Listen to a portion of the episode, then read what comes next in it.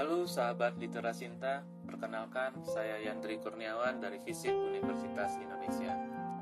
Pada kesempatan kali ini saya akan coba membaca satu puisi dari Sapardi Djoko Damono yang berjudul Sonet 12. Program membaca puisi ini diselenggarakan oleh Literasinta Abdurrahman Wahid Center for Peace and Humanity Universitas Indonesia.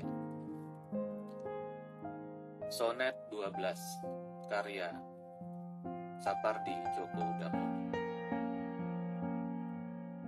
Perjalanan kita selama ini ternyata tanpa tanda baca.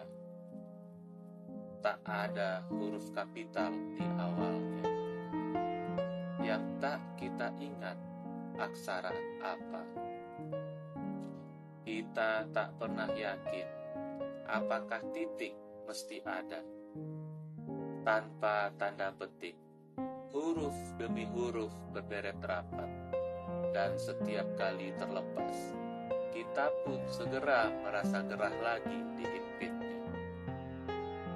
Tanpa pernah bisa membaca ulang dengan cepat, harus terus kita susun kalimat demi kalimat ini.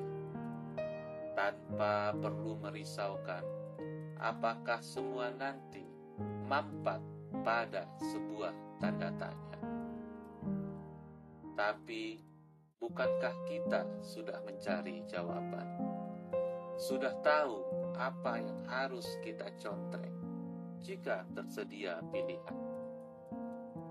Dan kemudian memulai lagi merakit alinea demi alinea, menyusun sebuah dongeng. Tapi Bukankah tak ada huruf kapital ketika kita bicara? Bukankah kisah cinta memang tak memerlukan tanda baca?